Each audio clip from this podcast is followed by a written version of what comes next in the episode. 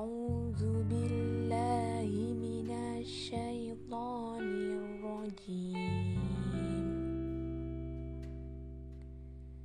بسم الله الرحمن الرحيم.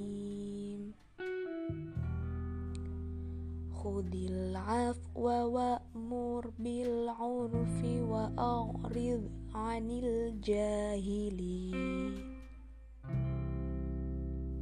Sodaqallahul Azim.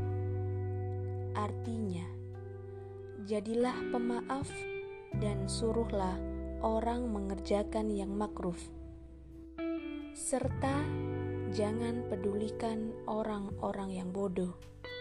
Quran Surat Al-A'raf ayat 199